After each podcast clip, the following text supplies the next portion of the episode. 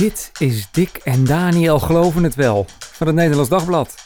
Koffiepraat over kerk en christelijk geloven. Met Dick Schinkelshoek en Daniel Gillissen.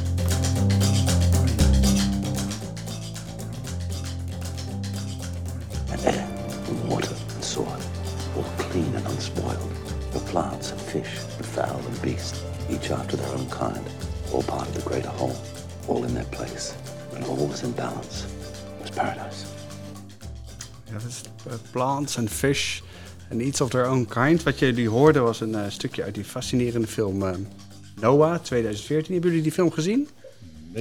Nee, Dick. Ja, jongens, echt gebrek aan jullie opvoeding. Dan wordt het een filmavondje. Ja, een precies, ja, nee, ga, eh, ga doen. Noach en zijn familie die zitten in de ark. Moet je je voorstellen, het is helemaal donker, weet je wel. Zo'n heel klein vuurtje ergens in het midden. Een beetje oppassen natuurlijk, zo'n zo'n groot houten bouwwerk. En eh, Noach vertelt dan het verhaal dat zijn vader voor hem eh, gehoord heeft... over hoe God de wereld heeft gemaakt. En eh, terwijl hij dat vertelt, is een ontzettend mooi stukje in die film. Zie je beelden van de, de Big Bang, hè, daar zijn licht, van het ontstaan van de, van de planeten, van, de, van het, leven in het water. En dat gaat allemaal steeds mooier en het wordt nog steeds complexer tot aan, eh, tot aan de mens. Welkom bij weer een eh, nieuwe aflevering van Dick en Daniel Geloven het Wel. We gaan het hebben over een groot onderzoek naar hoe homovriendelijk Europese kerken zijn. In Nederland eh, zijn de protestantse kerk, hè, de PKN en de Rooms-Katholieke kerk eh, onderzocht. Daarvoor is ook eh, collega Freek Houweling aangeschoven. Freek is eh, behoorlijk ervaringsdeskundig op dit gebied. Kan ik dat zo zeggen, Freek? Ja, eigenlijk wel op allebei de gebieden. Zowel wat betreft kerkelijk Nederland als homoseksualiteit. eh. Nou, daar gaan we over doorpraten Ja. met jou zometeen. We goede als gast aan ook, tafel. ja, zeker. Echt een ontzettend... moeten we nog maar zien, hè? Ja, precies. nou, je mag je helemaal bewijzen nu.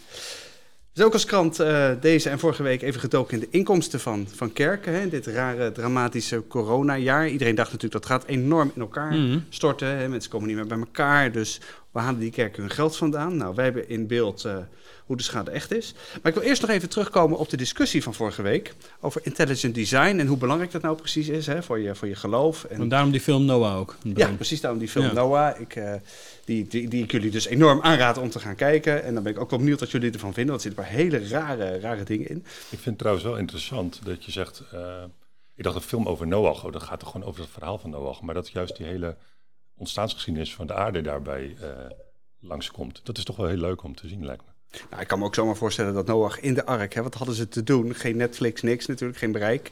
Ja, dan moet je toch iets, iets Verhalen- vertellen. verhalen vertellen, Verhalen ja. vertellen bij het, eh, bij het kampvuur. Nou, dat, eh, ik denk dat dat ook zo heel, dat met die bijbelverhalen stel ik me ook voor dat dat zo gegaan is. Mensen hebben dat aan elkaar verteld en aan elkaar verteld. En op een gegeven moment heeft iemand het eens een keer opgeschreven. Ja. Die gaan ook veel ouder zijn dan we vaak, eh, dan we vaak denken. Maar goed, ja, het verschil tussen eh, intelligent design en eh, theïstisch evolutiedenken. Wat is dat nou precies voor verschil? Hè? Vroeg een paar, lezer, paar luisteraars ook van deze, van deze podcast. Er waren ook een paar mensen die zich eraan stoorden dat ik intelligent design hooguit een vloertje onder het christelijk geloof had genoemd. En zelfs, zelfs, zelfs dat niet eens. Want is het nou niet ontzettend mooi dat je kunt bewijzen dat, dat God bestaat en dat hij ons gemaakt heeft? Maar ja, eh, over welke God hebben we het dan? Is, eh, is dat dan dezelfde als eh, de God van het christelijk geloof? Als je eenmaal kun- kunt bewijzen hè, dat er iemand is geweest, een van de intelligente macht, die, die de Big Bang heeft veroorzaakt, die het mogelijk heeft gemaakt dat er leven op aarde was. Is die, goed, is die God dan Mm. ook goed? Is, die, is, die, is dat de God die we kennen als de vader van, van Jezus Christus? Of is het misschien wel een enorm sadistische God? Die, eh, die er voor zijn plezier mensen, eh, mensen het leven heeft gemaakt om, eh, om te martelen misschien wel. Je, je weet eigenlijk nog helemaal niks van. Nee, want dat was de geloof. vraag, zeg maar. Of, of is dat de vraag die jij opwerpt? Nee, dat is, nee, dat is echt wel de vraag die ik, die ik erbij blijf, Ja, houden. blijf houden. Ja. En het verschil tussen theïstisch, the, theïstisch evolutie denken, zeg maar, Mhm. aan de ene kant en intelligent design, is dat theïstisch evolutionisme al vanaf het begin zegt, nee, maar als je God wil zien in de, in de evolutie, zeg maar in al die miljarden jaren, dan moet je dat altijd met een geloofsoog doen. Je kunt niet wetenschappelijk zomaar God eh, eh, eh, aanwijzen. Want dat, Mm. eh, dat, dat gaat niet, dat, dat, dat gaat mis. En ook dan, dan heb je ook meteen gekwalificeerd over welke god je het dan hebt. Bijvoorbeeld het god van het christelijk geloof. Of Oh, zou ik ja. me ook zomaar voor kunnen stellen dat moslims een soort gelijke operatie zouden kunnen, zouden kunnen uitvoeren. Mm. Ja, ik vind het toch altijd wel een beetje ingewikkeld en ook een rare route inderdaad. Van dat je dan hè, daar, daar eh, hè, dat, of in intelligent design of dat eerste evolutiedenken. Als je het dan ook over, over het verhaal van de, van de zonvloed hebt. Volgens mij ook Gijsbert van den Brink heeft daar ook weer zijn eigen kinderboek over geschreven met een aantal Ja, andere onder, onder mensen. meer ja, het boek Oer. Ja. Mhm. Ja, maar ik denk altijd, ja, ehm, moeten, we dat, moeten we dat zo graag eh, willen combineren, die verhalen? Of kunnen die twee verhalen ook gewoon prima naast elkaar bestaan? Want is het Bijbels verhaal, eh, vertelt dat echt iets over het ontstaan van de wereld en over hoe dat eh, wetenschappelijk in elkaar zit?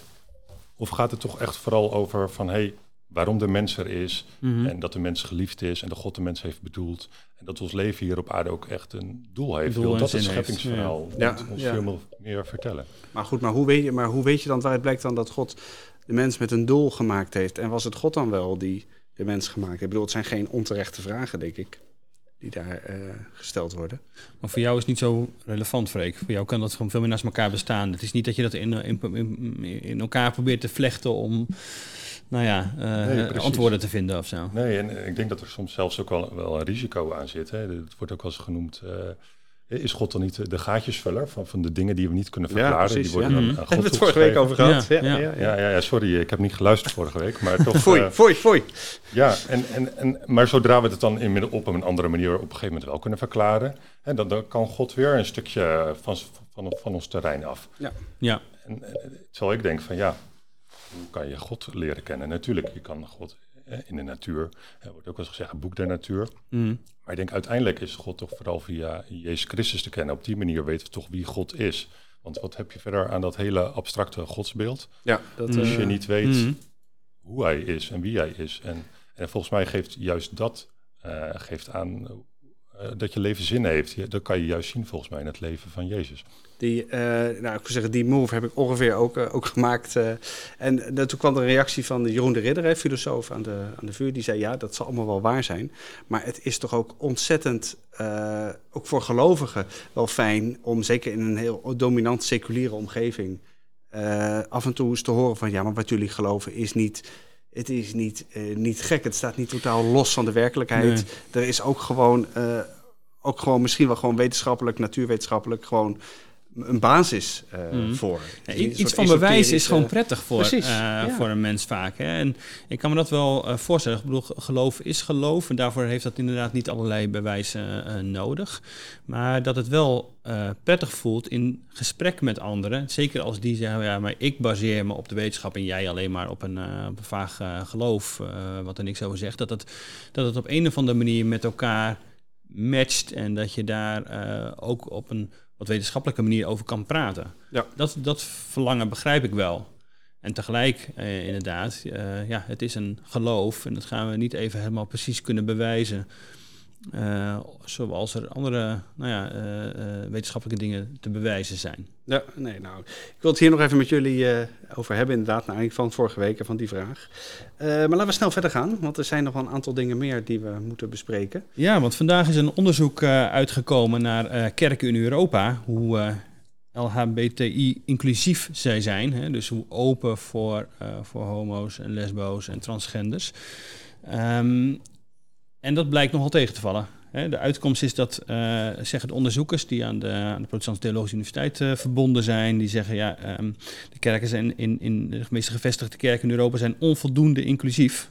Hè, eh, blijkt uit die eerste regenboogindex die, Ja. eh, die door hen gemaakt is. Ze hebben daar 46 kerkgenootschappen tegen het licht eh, gehouden met behulp van LBTS zelf.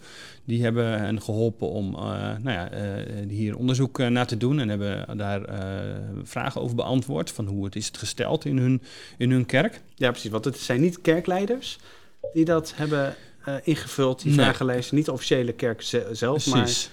het is het homo's, lesbiennes, transgenders uit de... Ja, precies. Die zelf, gevraagd, zeg ja. maar, maar dan gaat het niet alleen om die ervaring die ze hebben. Hè? Ja. Dus niet, het gaat niet over het verhaal. Daarvan zeggen de onderzoekers ook dat verhaal is nog wel vaker opgetekend. Maar we willen echt van hoe wordt er in die kerk over gesproken? Wat zijn de documenten? Op welke manier, welke mogelijkheden bieden ze aan eh, transgenders om ook een eh, overgang eh, vorm te geven? Al dat soort, dat soort zaken zijn aan de orde gekomen. En, ehm, en ook dus landelijke uitspraken die kerken en dergelijke hebben gedaan. Dus zoveel mogelijk op feiten en op documentatie ehm, eh, ge- gericht. Maar wel dus ingevuld door de LHBT'ers zelf. En inderdaad niet doordat de kerkleiding kan zeggen... ja, maar we hebben inderdaad er ooit wel eens een documentje over liggen... en dat, uh, nou ja, dat, Hier, dat dus wel waar wij staan. Dat mailen we u wel even toe. Precies. Ja, ja. En dan blijkt dus dat, ehm, dat het eh, ja, niet, niet zo heel best gesteld is... met eh, de acceptatie eh, in kerken. En ik pak even de ranglijst erbij. Ik wil zeggen, vertel even de Nederlandse kerken. de, de Nederlandse kerken, ja, daar zijn het dus twee. De protestantse kerk in Nederland en de Rooms-Katholieke kerk in Nederland, die zijn onderzocht. En de protestantse kerk in Nederland staat op, op plek 5 van 46. Dat is wel en mooi, toch? de Rooms-Katholieke kerk in Nederland op plaats 30. Dus dat is een stuk eh, lager. We komen er zo nog even op te, even te spreken. Want dat is wel interessant natuurlijk van hoe komt dit en hoe verhoudt zich dat eh, ook het landelijk tot inderdaad hoe het in parochies en gemeenten eraan aan, aan toe gaat. En bovenaan staat een kerk uit, uit Finland, die eigenlijk speciaal door LBT's is opgericht. Eh, dus het is eigenlijk een soort, nou ja, eh een soort de knipoogje, een soort knipoogje zeg maar. Maar die zitten dus heel dicht tegenaan. Dus, maar die scoort ook nog niet volledig, hè? Nee, dat, precies. weet. Ja, dat vind ik ja, wel weer opvallend. Ja, volgens mij is het zelfs een eh, in Amerika ontstaande gemeenschap Ah, ja. van kerken. En ja, een beetje oneerbiedig gezegd hebben die nu ook een filiaal in, in Finland. Ja. Dus ik, ik vond het ook wel een beetje opvallend hoor, dat die bovenaan stonden. Want eigenlijk gaat het voor de rest over de gevestigde, over de gevestigde kerken. Ja. En dat zijn toch vooral echt de, de, de grotere volkskerken. Ja, precies. En ja, dat, dat dan die ene kerk, nee, het, is, het, is, het is leuk voor hen dat ze op, eh, op nummer 1 Ja. staan. En voor die eh, ene pastoor van die eh, kerk, dat die... Ja, precies. ja, Maar Het zou, welke- het zou wel treurig zijn als die onderaan zou hangen natuurlijk. Hè? Ja, dat zou er echt precies. iets helemaal niet goed zijn. Maar welke, maar welke grote volkskerk? Ja, de kerk staat- van Zweden dus, die scoort heel, Die scoort heel, heel heel, goed. Ja. En het is ook wel opvallend, die, die, die reikt dus ook een prijs uit aan gemeenten die heel inclusief zijn. Eh, dus er wordt heel eh, ja, nadrukkelijk aan gewerkt binnen de kerk eh, dat eh LHBT'ers zich daar thuis voelen. Ja. Ehm, en dat is wel een heel belangrijk eh, punt daarvoor. Maar eh Freek, jij bent eh, lid van de protestantse kerk. Jouw kerk eindigt op, eh, op vijf. Op zich, ja, voor mijn gevoel is dat best wel hoog. Eh, herken, jij, herken jij dat? Is dat eh, Ja, ik denk dat het op zich wel, eh, hè, in, de, in de protestantse kerk in Nederland, en ook de, de voorlopers daarvan, die, die liepen volgens mij ook wel voor wat betreft acceptatie van LHBT'ers. Al is het natuurlijk, ja, juist ook in zo'n brede kerk als de protestantse kerk, kan natuurlijk lokaal heel erg vers- verschillen van hoe dat Ja. dan uitpakt. Het kan zijn dat je lokaal een gemeente hebt waar al eh, in de jaren zeventig ambtsdragers waren die eh, homoseksueel waren en waar dat geen enkel probleem was. Het kan nog steeds zijn dat je in een bepaalde protestantse gemeente binnenloopt en dat je daar niet kan trouwen, dat je daar misschien wel niet aan het avondmaal kan of niet als ambtsdrager kan functioneren. Want wat is, het, eh, wat is het vreselijks wat jij hebt meegemaakt zelf? Nou, ik heb eigenlijk zelf niet zo heel veel vreselijks gelukkigs meegemaakt. Eh, eigenlijk de periode dat ik een beetje voor mezelf erachter kwam dat ik homoseksueel eh, was, ben, eh, was eigenlijk een beetje dezelfde periode als dat ik ook op mezelf ging wonen in Rotterdam. Eh, genoeg kerken. Ik vond het altijd heel leuk om allerlei verschillende kerken te bezoeken. Ja. En omdat ik altijd ook wel behoorlijk op de hoogte was van de kerkelijke kaart, wist ik ook wel wat ik waar een beetje kon verwachten. We hadden natuurlijk volgens mij afgelopen zaterdag het interview met eh, Alexander Noordijk eh, Mhm. in de krant. Ja, en die, is de dominee uit Monnikendam. eh. ja, inmiddels in Monnikendam inderdaad. Eiburg eh, inderdaad. eerder Eiburg Ja. inderdaad. En ja, die, die groeide op in de Hoekse Waard eigenlijk ook. Nou ja, misschien wel een beetje een vergelijkbare kerk als waarin ik ben opgegroeid. Hè, op de Zuid-Hollandse eilanden, stevig hervormd. Mhm. Maar ja, dat was een beetje te, te saai en te traditioneel voor hem. Dus zijn moeder stuurde hem naar een evangelische gemeente. Ja, eigenlijk ging het daar mis doordat, nou ja, Mhm.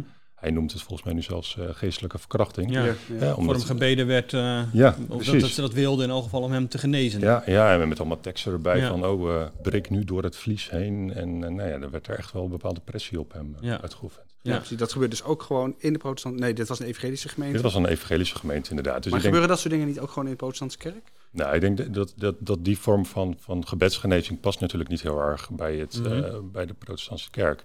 En dat was ook trouwens altijd eh, hè, voor mij ook als ik bijvoorbeeld in een reformatorische omgeving moest uitleggen van eh, hè, dat, dat ik homoseksueel was en dat het Mhm. iets is waar je niet, wat je niet kan veranderen. Dat was altijd gelijk mijn eerste uitleg van ja, maar wij vinden toch ook dat van Jan Zijlstra vinden we toch ook allemaal een beetje nonsens. Oh ja. Hè, dat, dat mensen uit de rolstoel opstaan of dat. Ja, we geloven toch sowieso niet zo heel erg in, in genezing. Dus wat dat betreft komt dat, dat type denk ik minder voor in dat soort Ja. kerken. Maar het betekent natuurlijk niet dat het er voor iedereen even prettig is als je daarin opgroeit. Maar je zei net even je zoektocht, hè, toen jij eh, zeg maar uit, de, uit de kast kwam in die tijd, dat je in Rotterdam eh, ging wonen en ook nou ja, diverse kerken langs ging. Telde het dan, hè, hoe, hoe, welke manier telde het mee, zeg maar, hoe er eh, tegen homoseksualiteit werd aangekeken en, en wat kwam je dan tegen? Nou, eigenlijk beperkt. Men zoekt toch zich wel... hey, het was wel binnen een bepaald kader. Ik Ja. had wel altijd wel het idee van, nou ja... Rond, rondom de protestantse kerk in Nederland, Ja. daar lag het wel voor mij een beetje. En ik maakte wel eens een uitstap. Ik ben bijvoorbeeld een keer eh, bij een remonstrantse kerk binnengekomen. Wa- Was al, was al een paar jaar later. Eh, had ik inmiddels een, eh, een vriend, waar ik nog steeds gelukkig mee samen ben trouwens. Ja. En, maar wij kwamen gewoon heel light gewoon die kerk binnen. En nou ja, toevallig omdat we, er was een voorganger die, die, die, waar ik wel eens een boek van had gelezen. Ik dacht van, nou ja, ik wil, ik wil hem wel eens horen. Ja. Helemaal niet de bedoeling om in die kerk te gaan settelen of iets dergelijks. Of, maar- en we kwamen Nee. naar mijn beleving ook helemaal niet per se zichtbaar als koppel binnen. Nee. Maar Niet, eh, wat is het? eh, nee, we, we- hand in hand. niet eh, hand in hand, geen, niet uit dezelfde liedboeken samen zingen, niet klef tegen elkaar aanzitten. Dus, want zo zijn we nou eenmaal niet. Maar toch kwam na afloop gelijk eh, de kerkenraad op ons eh, afgestormd. Van ja, en oh ja, de voorganger die we vanochtend hadden, ja, die is wel wat conservatiever dan wat we normaal. We zijn hier heel progressief. We zijn veel progressiever dan de protestantse kerk in Nederland. En eh, ja, ook eh homokoppels zoals jullie hoor, zijn hier van harte welkom. Toen dacht ik even, oh ja, maar zo wil ik nou uiteindelijk ook weer niet. Want dan, nee, nee. dan zie je me uiteindelijk ook niet meer als persoon. Hè? Want dan Nee. gaat het hier natuurlijk ook Precies. In dit verhaal over erkende waardigheid van ieder mens. Ik denk, ja, ik ben meer dan dat ene Ja. hokje. Ja, precies. Dat ze, dan gaat het eigenlijk weer de andere, slaat het de andere kant op eigenlijk. Als je zo nou ja, een soort inclusief wil zijn, dat het eigenlijk exclusief wordt. Ja, exact, inderdaad. En ik dacht van, oei, kan je me nu alleen op die manier zien? Omdat we toevallig met twee mannen samen binnenkomen. Ja, Ja, ja precies. Ja. Maar even ter- terug naar het onderzoek. Uiteindelijk is het dus niet zo heel verrassend, toch, denk ik, hoe, hoe, hoe kerken scoren. We weten allemaal dat, dat ke- kerk en, eh, en geloof en ook eh, homoseksualiteit, eh LHBTI, dat het, dat dat ergens wringt of zo. Ergens een beetje lastig gevallen, ligt, precies. En dan wringt het bij katholieken en ook bij orthodoxen.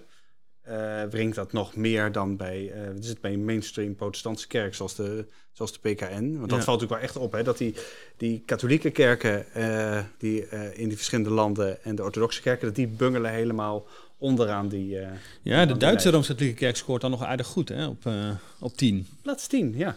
Ja, Verklaar jij dat, opvallend. Ja, eh, volgens mij wordt in het artikel ook een of ander over uitgelegd. Van, hé, dat, dat in, bijvoorbeeld in die Duitse eh, kerk, dat er ook veel meer de leken ook mee kunnen praten op een bepaald Ja. niveau. Maar ja, over het algemeen is het natuurlijk met de Rooms-Katholieke kerk wel een stuk ingewikkelder met een hele eh, sacramentsleer. Hè. Het huwelijk is er ook een sacrament. Mhm. Sowieso natuurlijk dat je een universele, dat je een wereldwijde kerk bent, waar- de standpunten vandaan komen. Maar toch schijnt er wel in Duitsland wel, eh, ja, in de, in de Rooms-Katholieke kerk wel be- behoorlijk beweging te zijn. Volgens mij heeft Hendro Moenserman ook een artikel geschreven recent dat er 2600 Ja. pastoors dus in Ja, opstand komende kwamen. maandag is dat. eh, dan gaan inderdaad hebben 2600 Duitse priesters hebben toegezegd. Wij gaan, eh, kom maar langs dan bij ons, dan gaan wij eh, jou, jouw relatie relatie zegenen. zegenen. Ja, Ja. precies. Ja. Mag niet van Rome, maar wat interesseert Ja. ons het, we gaan het gewoon doen. Ja, en dat zegt wel wat, bedoel je? Ja, dat zegt wel wat, dat het daar wel echt in beweging is. En volgens Want mij... in Nederland gebeurt het niet hoor. In Nederland gebeurt het zeker niet. Terwijl als je nou ja, in Duitsland kijkt, maar ook kijk je naar België, naar eh bisschop Bonny van eh, Antwerpen, die is al jarenlang uitgesproken. Maar volgens mij is ook aartsbisschop hè, de Kezel volgens mij Mhm. eh, van België is daar ook eh, behoorlijk eh, ja, duidelijk over. Hè? En, je, en je ziet overal zie je die voorbeelden, zelfs tot in Italië aan toe las ik pas van een priester die weigerde op Palmzondag palmtakken te zegenen. Want hij zegt, ja, als ik al geen eh homo-koppels die hun weg Ja. in liefde gaan, als ik dat niet mag zegenen, waarom mag ik dan wel een palmtak Nee, zegenen? precies. Daar hebben we met Vaticaanwoordse Hendro Munsterman ook wel eens over gehad. Hè? Alles en, eh, wordt, wordt voor je idee gezegend in de Rooms-Katholieke Kerk. Behalve dan inderdaad homostellen is dan een, eh, een brug te ver. Ja, want dat is ongeordend. Precies, Dus daar had het dan mee te maken. Die palmtak die doet waarvoor die bedoeld is en homo doet dat niet. Dat, is een beetje eh, de- de even officiële leer de dan. bocht, eh, Ja. leer, ja. Ja. ja. Maar er gaat uiteindelijk natuurlijk wel dan in de Rooms-Katholieke Kerk is er volgens mij dan wel een enorme mismatch tussen wat dan zeg maar de officiële leer of het beleid is en eigenlijk natuurlijk in Nederland dat is wel een stukje erger. Mm. Ook de houding is van, van, van de geestelijke, van de, van de top van de kerk en tussen het gewone kerkvolk. Want in hetzelfde onderzoek zie ik ook dat eh, van, van de katholieke bevolking van Europa, die in Nederland het meest progressief is op het gebied van homoseksualiteit, dat maar 3% van de katholieken in Nederland tegen het homohuwelijk is. Dus ja, daar gaat natuurlijk wel echt iets eh, heel erg mis. Dus de katholieke kerk van Nederland zou ook in de buurt van die tiende plek moeten staan. Als dus- het in elk geval op, ba- nee, als het op basis van eh, hoe, Ja. hoe de kerkleden er tegenaan kijken is. Maar Ja, vanwege de leer en Want dergelijke waar, ze- niet. waar staan ze nu? Is? Op, op Ah, 30. Ja. Dat is 30, ja, Ja. goeiedag. Ja. Ja. Hey, eh, nog even iets, eh, nog iets anders over dat onderzoek. Die, eh, we zagen ook op Twitter al verschillende me- eh, reacties voorbij Ja. komen van mensen die zeiden... ja, maar dit is toch niet objectief. Je vraagt aan, eh wat is het, LHBTI'ers, vraag je... eh, hoe, eh, hoe, hoe staat het in jouw kerk? En ehm, er zit ook een soort idee bij dat je natuurlijk... je hebt een, een, een verder voortgeschreden inzicht... en de kerken die wat minder eh, op dat pad Mhm. zijn...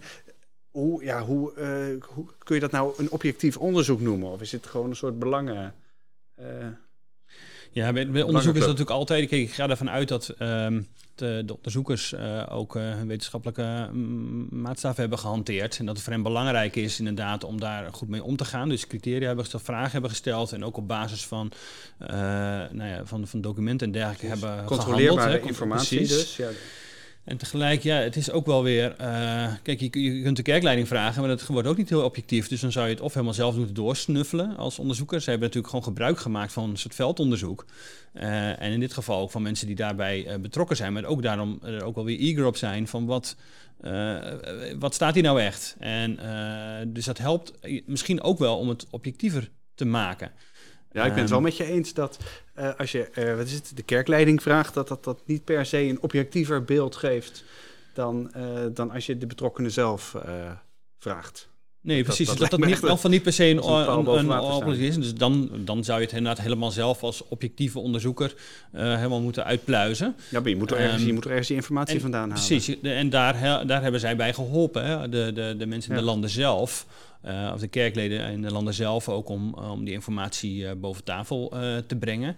En ja, volgens mij, weet je, het gaat ook niet helemaal. Er zijn natuurlijk een heleboel. Er zijn maar twee Nederlandse kerken, er zijn een heleboel eh, kerken niet meegenomen. Dus nee, ja, hoe ver is het echt representatief? Laat het iets zien. Die Finse kerk werd ook even bekritiseerd. Maar ja, dat is, dat is meer een grap dan dat, het, dan dat je dat, zoals we net ook al zeiden, dat heel. eh eh, serieus dat je op Het gaat om die, ja, eh, precies. Het gaat om die gevestigde kerken Ja, natuurlijk, ja, ja, inderdaad. ja, ja. Hoe gaan die daar eh, eh, mee om? Maar dat laat wel, wel, wel, wel, wel wat zien. En, en juist alleen maar weer eh, eh, de, de, de groep zelf negeren zou misschien ook wel niet zo heel sterk zijn geweest in deze. Het, het objectief zit er denk ik ook wel in dat ze al die kerken aan diezelfde criteria worden getoetst. En niet Ja. zozeer wordt gekeken van, hey, hoe is het dan... Kijk, een bepaalde kerk kan binnen een bepaald land Hmm. best wel erop voor oplopen. Ja. En dus vanuit de perspectie van, van, van, van, van, de, van de, ja, als je daar woont, kijk bijvoorbeeld naar Polen, de Rooms-Katholieke kerk daar die staat eh, helemaal onderaan. Ja. Ja. Plek 46. En het verbaast me eerlijk gezegd niet. Eh, Ik heb ook vrienden die uit Polen komen en eigenlijk hier in Nederland zijn eh, gaan wonen. Mm. Dus gewoon in Polen gewoon geen toekomst zien, omdat hoe het debat daar gepolariseerd is. Hè, met, een- met ook een Ja. eh, hele stevige nationalistische partij die Precies, heel erg politiek doet er ook sterk aan mee. ja, en eigenlijk Dus dan eh, die, die conciehaast tussen de kerk en de politiek. En eh, ik ben toen wel eens bij die vrienden in Warschau langs geweest. En dan was er toevallig een demonstratie, kregen flyers uitgedrukt. Nou ja, ik kan, ik ken geen, kan geen Pools, maar ik kon er toch wel eh, uit eh, ontleden. Nou ja, het ging over homoseksualiteit, maar in één zin met pedofilie, be- eh, Mhm. be- bestialiteit en dergelijke. En dat is toch wel... Op dat moment was je blij dat je geen Pools kon. ik was toen, in, in- ja, maar ja, daar wordt het onveilig echt. dan wordt het echt onveilig, inderdaad. Maar als je dan ziet dat er ook binnen Polen, hè, die protestantse kerk, hè, de Evangelische Lutherse kerk van Polen, die staat halverwege de ranglijst. Ja, Dus waarschijnlijk, 22, ja ja, precies. dus waarschijnlijk als je daar lid van bent binnen een samenleving als Polen, hè, waar-.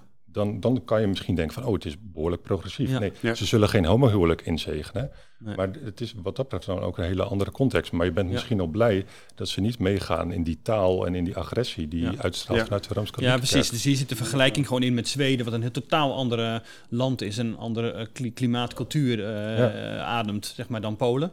En tegelijk leggen ze wel de, de kerken langs dezelfde meetlat. Ja. Ik heb, Ja. daar, ik heb daar nog, nog, nog wel een vraag bij. Hoor. Want stel dat, kun je nou... eh Freek, ik ben wel benieuwd wat jij daarvan vindt. Kun jij, eh, kun jij als kerk eh homovriendelijk zijn? Eh, en toch zeggen, sorry, maar is het, een- de homo, homoseksuele leefwijze volgens de Bijbel, eh, dat kan volgens ons niet. Of wij gaan geen huwelijken inzegenen, want dat... Nou ja, we vinden dat dat strijdig is met eh, nou ja, of de, de natuur of de christelijke traditie of de Bijbel. Is, dat, is dat mogelijk? Of is de enige manier om homovriendelijk te zijn ook gewoon de totale acceptatie, inclusief. Je, je zou ook kunnen zeggen, als jij homoseksualiteit als een serieuze, ernstige zonde beschouwt, dan is het uitermate vriendelijk voor homo's om ze, om ze daarop te wijzen. Ja. Ehm, nou, ik denk dat je, dat je er vanuit verschillende perspectieven naar kan kijken. Kijk, als ik er gewoon als vanuit eh, als burger van dit land naar kijk, denk ik van ja, bepaalde groepen of stromingen moeten ook hun mening kunnen hebben en Mm. in zekere mate kunnen uitdragen. Hè, zolang het natuurlijk niet tot, tot echte onveiligheid leidt. Ja. Maar als ik er echt als een gelovige, als christen naar kijk, vanuit christelijke theologie, dan denk ik, ja, elk mens is waardevol. Eh, elk mens heeft een bepaalde intrinsieke waarde. En daar moet je juist vanuit je theologie van uitgaan. Dus ik zou je juist op basis van hun theologie dan willen bestrijden. En daar niet per se gelijk eh, hele, hele heftige middelen aan willen verbinden die eh, in, in het publieke domein. Ehm, maar Zou ja, jij, de- als bij jou eh, in de kerk die mening door iemand verkondigd wordt, zou- die uitgesloten moeten worden of zou die eh, mee mogen doen in het, in het gesprek? Als dat gesprek er zo, eh, zo zou zijn. Nou, wat- wat, ik allereerst dan wel belangrijk vind, veel mensen kunnen vaak, hebben vaak over heel veel dingen een mening, zonder dat ze er zelf Mhm. mee te maken hebben. Ja. Ehm, als iemand die mening heeft en hij is zelf homoseksueel of iemand in een, Mhm. in een nauwe omgeving, dan kan ik al veel meer van iemand accepteren. En ook als iemand daar dan heel erg over nagedacht heeft. Ja. En als iemand echt oprecht, hè, er zijn er ook de voorbeelden natuurlijk in de protestantse kerk, mensen die zeggen van hé, hey, ik ben wel homoseksueel, maar ik wil wel celibatair leven. Ja. Dan wil ik die keuze ook zeker respecteren. Ja. En dan vind ik ook dat we, dat we zo iemand, die moet niet het zwijgen worden opgelegd. Nee, zeker niet. Maar- Nee, precies. Als dat vanuit mensen komt die, die ja, over alles een mening hebben Mm. en, en dat eh, naar iedereen eh, eh, roepen en eigenlijk alleen maar op polarisatie uit zijn, dan is het toch wel een ander verhaal. Mm. Ja. Nou, wat eh, toevallig, hè? Deze, deze week alleen al drie voorbeelden. Hè? Een, een dominee uit Londen, pastor Sherwood, die is aangeklaagd omdat hij. eh, wat is het over, over het, wat is het, eh, het huwelijk alleen tussen man en vrouw? Dat hij daar dingen, dingen over had gezegd in een, eh, in een preek. Dat die Finse eh, politica, hè, Päivi Razan, ik heb geen idee hoe je dat in het Fins uitspreekt, maar, maar zoiets. En die Duitse, Duitse dominee Marcus Piel, hè, die is de, de, de landeskirche van, eh, van Hannover, die had gezegd dat transgenders in Gods ogen niet, eh, niet bestaan. Er is geen derde geslacht, zei hij. Eh, waar ook heel veel gedoe over is in Duitsland. Het, zijn, gewoon, het is één week, hè? Ik denk het is een hot topic dus. in Ja, ja, sowieso Continu. is Ja, nee, het een hot topic. Ja, precies. Maar, Maar- dat illustreert dit ook wel weer. tussen maar ik kan me ook ja. voorstellen dat mensen zeggen van ja, maar ik heb hier serieus moeite mee. Mhm. Eh, goed, oké, of ze een recht van spreken hebben of, eh, of niet, of ze nou homo's in hun omgeving kennen of het zelf zijn, dat, dat, dat, dat laat ik dan maar even in het midden. Maar kan ik, kan ik dit nog zeggen? Als, eh, als bijvoorbeeld iemand als, eh, nou we hadden eh, die, eh die dominee Pieter Vries in de krant, die is teruggetreden van het Hersteld Hervorm Seminarie deze Ja. week. Dus hun eigen, ze heeft een eigen stichting waardoor die toch door kan gaan met, met college geven.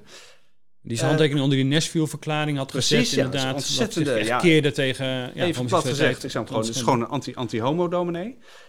Maar ja, die zegt wel van ja, ik heb het gevoel dat er steeds minder ruimte is voor dit geluid. En kijk, en het is mijn geluid niet. Maar als ik dit allemaal zo op een rijtje zie, dan ik kan me wel voorstellen van kun je nog op een gegeven moment, eh, ja, je mag, wel, je mag wel tegen zijn, maar je mag niet tegen doen, zeg maar even als variant op, de, op het bekende, eh, het is het bekende kreet dat je als dat je wel homo mag zijn, maar het niet mag, eh, maar het niet mag doen. Het, dat is, dat is toch ook een, een bedreiging voor de inclusiviteit van, van kerken. Ja, maar dan zou ik toch ook weer zeggen van hé, hey, als burger van het land vind ik van hé, hey, daar moet de, de, de rechtbank heel voorzichtig mee zijn of hè, het hele Mhm. rechtssysteem om daar eh, om dat te beperken. Maar aan de andere kant hebben wij denk ik juist heb je als christen wel de verantwoordelijkheid om daar tegen in te gaan. En ik denk ook als kerkleiding mag je denk ik daar ook wel een bepaalde normerende regel in stellen. Is het, eh, is het theologisch geen legitieme positie volgens jou?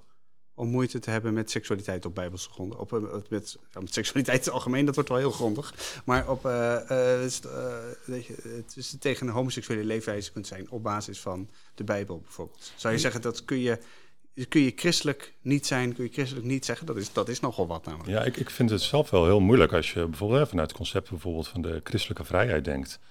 En of je dan als kerk je echt zo nadrukkelijk over de ethiek van persoonlijke levens van mensen zich daarmee, je daarmee moet gaan bemoeien.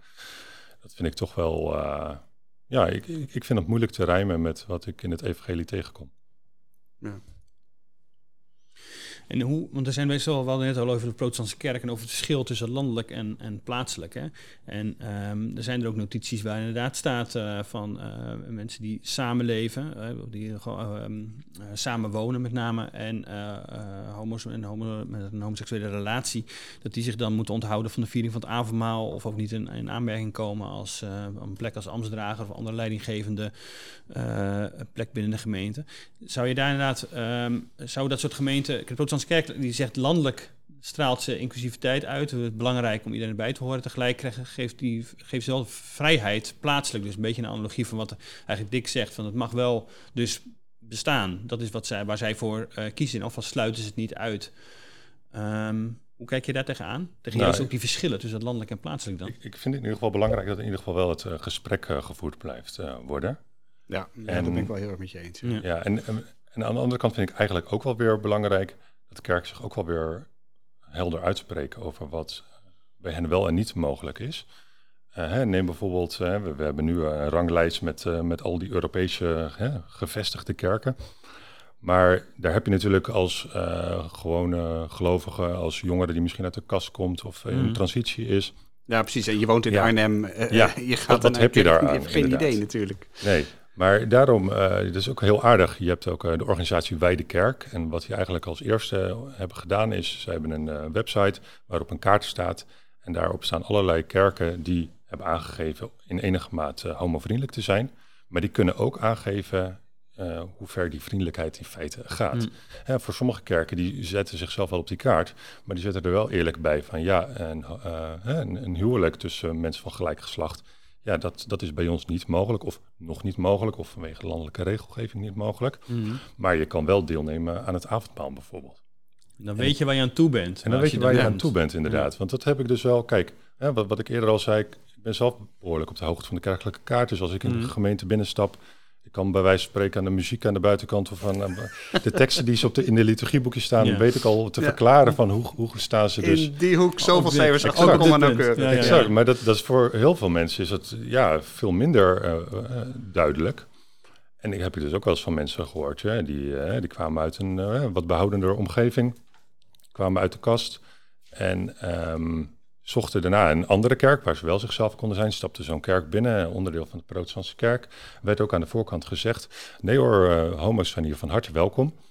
En nou ja, heel beleidenscategorisatie-traject gevolgd. En nou ging allemaal perfect.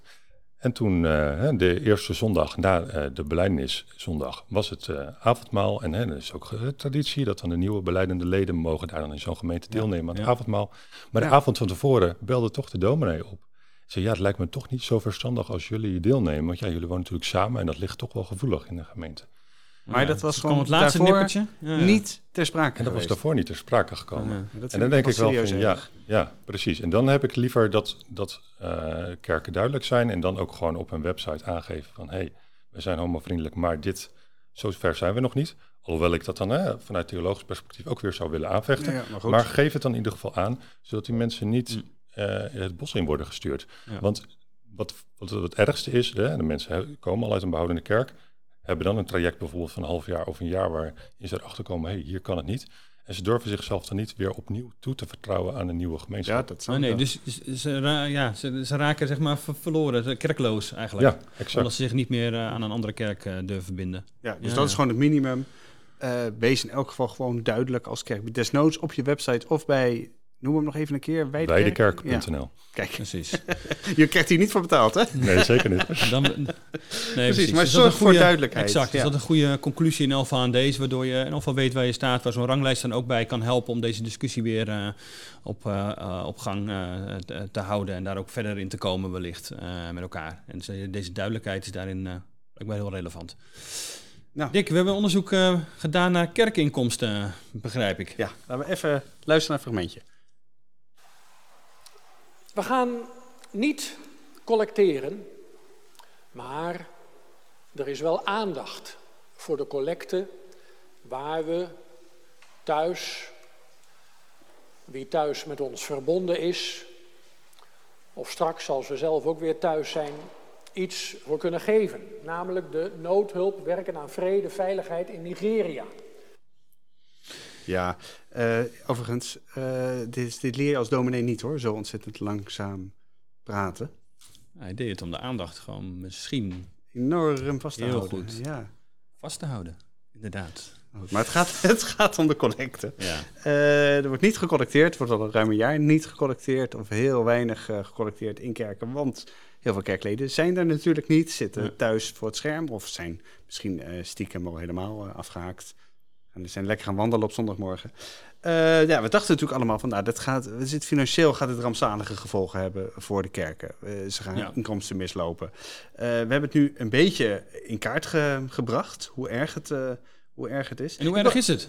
Nou, het Of, is. eh, ja, ik zal. wil je nog- Ik, ik- ja, Ja, ik, daar de spanning op. ik wou zeggen, hebben we een muziekje? Omdat even een tromgeroffel. Nee, het is, eh, de PKN heeft de becijfers ongeveer 6% eh terugloop in de collecte. Ik vind dat nog wel meevallen, eerlijk gezegd. Ja.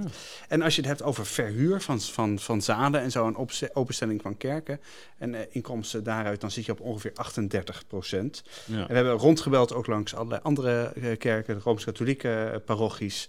We hebben evangelische gemeenten, gereformeerde kerken, we hebben zo ongeveer alles gehad. En het, het beeld is ongeveer wel hetzelfde. De Oh ja. algemene inkomsten zijn behoorlijk stabiel, zijn soms zelfs gestegen. Dus Ja, omdat je gewoon geld overmaakt. Precies, en mensen ook zeggen doe, dan ook- loopt gewoon, eh Precies, loopt gewoon door zeggen dat- maandelijks. Daar doe ik wat bovenop. Oh ja. Dus dat is echt eh, dat is, is, is een hele belangrijke inkomstenbron voor kerken. Heel erg meegevallen over het afgelopen jaar. Maar eh, ja, vooral collecte en zeker verhuur is natuurlijk al die zaaltjes en zo. Die worden natuurlijk eh, aan de plaatselijke schaakclub. Die worden nu natuurlijk niet meer, Ja. niet meer verhuurd. Want hoe doen jullie dat? Geven jullie digitaal aan de kerk? Ik ben niet een hele digitale. Ik ben sowieso niet echt een eh collectemonster, maar. Je bent eh, geen collectemonster. Een collectemonster is voor mij iemand die een graai uit de kast doet. Maar je ja, gaat- je dat, gaat dat ben ik ook niet. Dat ben je gelukkig. Nee, maar zo'n liefhebber van, van de collectezak die dan door, de, door, de, door de zaal gaat. Eh, of door de kerk. Ehm, Laat jou maar overmaken.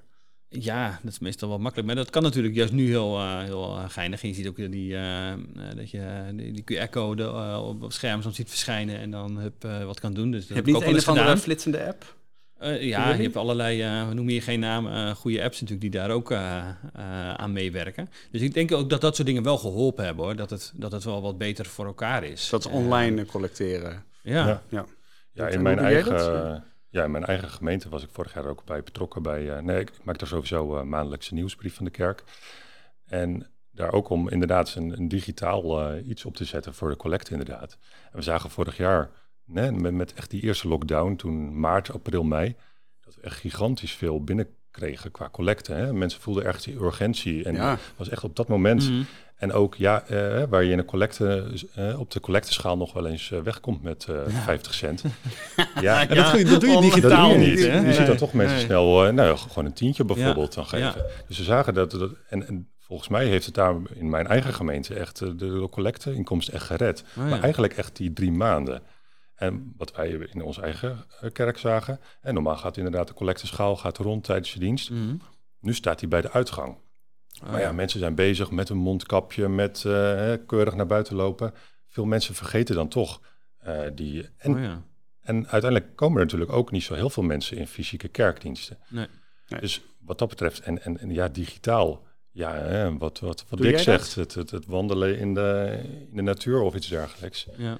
En wat dat betreft, ehm, denk ik, als ik naar mijn eigen gemeente kijk, en het, ja, ik denk dat het wel voor meer kerken geldt. Want ik, ben nog wel, ik heb het verder niet uitgebreid gelezen, maar ik denk dat het toch wel verschilt per type kerk uiteindelijk ook wel weer.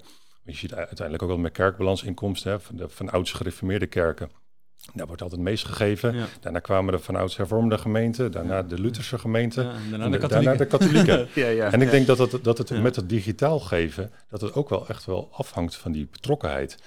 In mijn gemeente zijn de mensen niet van, oh, ik ga elke maand, eh, elke week precies voor die collecte iets overmaken. Maar ik doe het bijvoorbeeld eens per twee maanden iets. Ja, gewoon even een slootje. En dan, Even een eh, slootje. ben je En er weer vanaf. En, nu, en, nu, en dan die urgentie er een beetje af is, vergeten mensen dan denk Ja. ik ook sneller. Ja, nou ja, precies. Dus de vraag is natuurlijk ook wel, we hopen natuurlijk dat de kerken weer snel open gaan. Maar eh, wat het beeld voor 2021 dan straks eh, te zien geeft. Ja, en als jullie je verjaardag vieren en het kan allemaal weer, huur een zaaltje bij de kerk, zou ik zeggen. Goed voor hun eh, Precies, inkomsten. Een beetje te compenseren. Overigens, eh, dat is wel deels gecompenseerd door de, door de overheid. Daar moet ik wel even bij zeggen. Die, die, eh, wat is het? die verminderde huurinkomsten. Oh ja, dus de kosten wordt dan betaald door Precies, ja. Dus die kunnen net als bedrijven kunnen die op dat potje aan de overheid. eh, Koolmees. Ja, zeker natuurlijk die kerken die echt grootschaliger verhuren. Ja, Kijk, die- de precies, kerk ja. die dat eh, vijf keer per jaar doet, die kan er natuurlijk niet zomaar... Nee. eh, Nee. En er waren kerken die ineens ontdekten dat ze er geld aan overhielden door geen middagdiensten meer te organiseren. Want dat bleek onder de streep meer te kosten dan dat het aan collecteinkomsten Dat is opbracht. fascinerend. Ja, dat is ook wel fascinerend. hey, we laten het hierbij. Als je bij een kerk betrokken bent, eh blijf er dan in deze gekke tijd aan denken om ook af en toe financieel bij te dragen. Dat is echt wel belangrijk. Dank je wel weer voor het luisteren. Eh Freek, bedankt dat je hier wilde aanschuiven. We hadden vandaag de productie eh, door eh Suzanne. Dank je wel eh, daarvoor. Eh, ja, en reageer als je vragen hebt. Hè. We maken deze podcast voor jou. Dus dat kan via geloof.nd.nl. Vinden we vreselijk leuk. En eh, tip ook je vrienden over deze podcast. Volgende week is het een eh, wat rare week met Hemelvaartsdag. Maar Dick en Daniel geloven het wel. eh, is er vrijdag gewoon. We gaan vooruitblikken op de opwekkingsconferentie. Het kenner van de evangelische wereld, Miranda Klaver. Volgende week dus weer luisteren. Dag! Dag. Dag.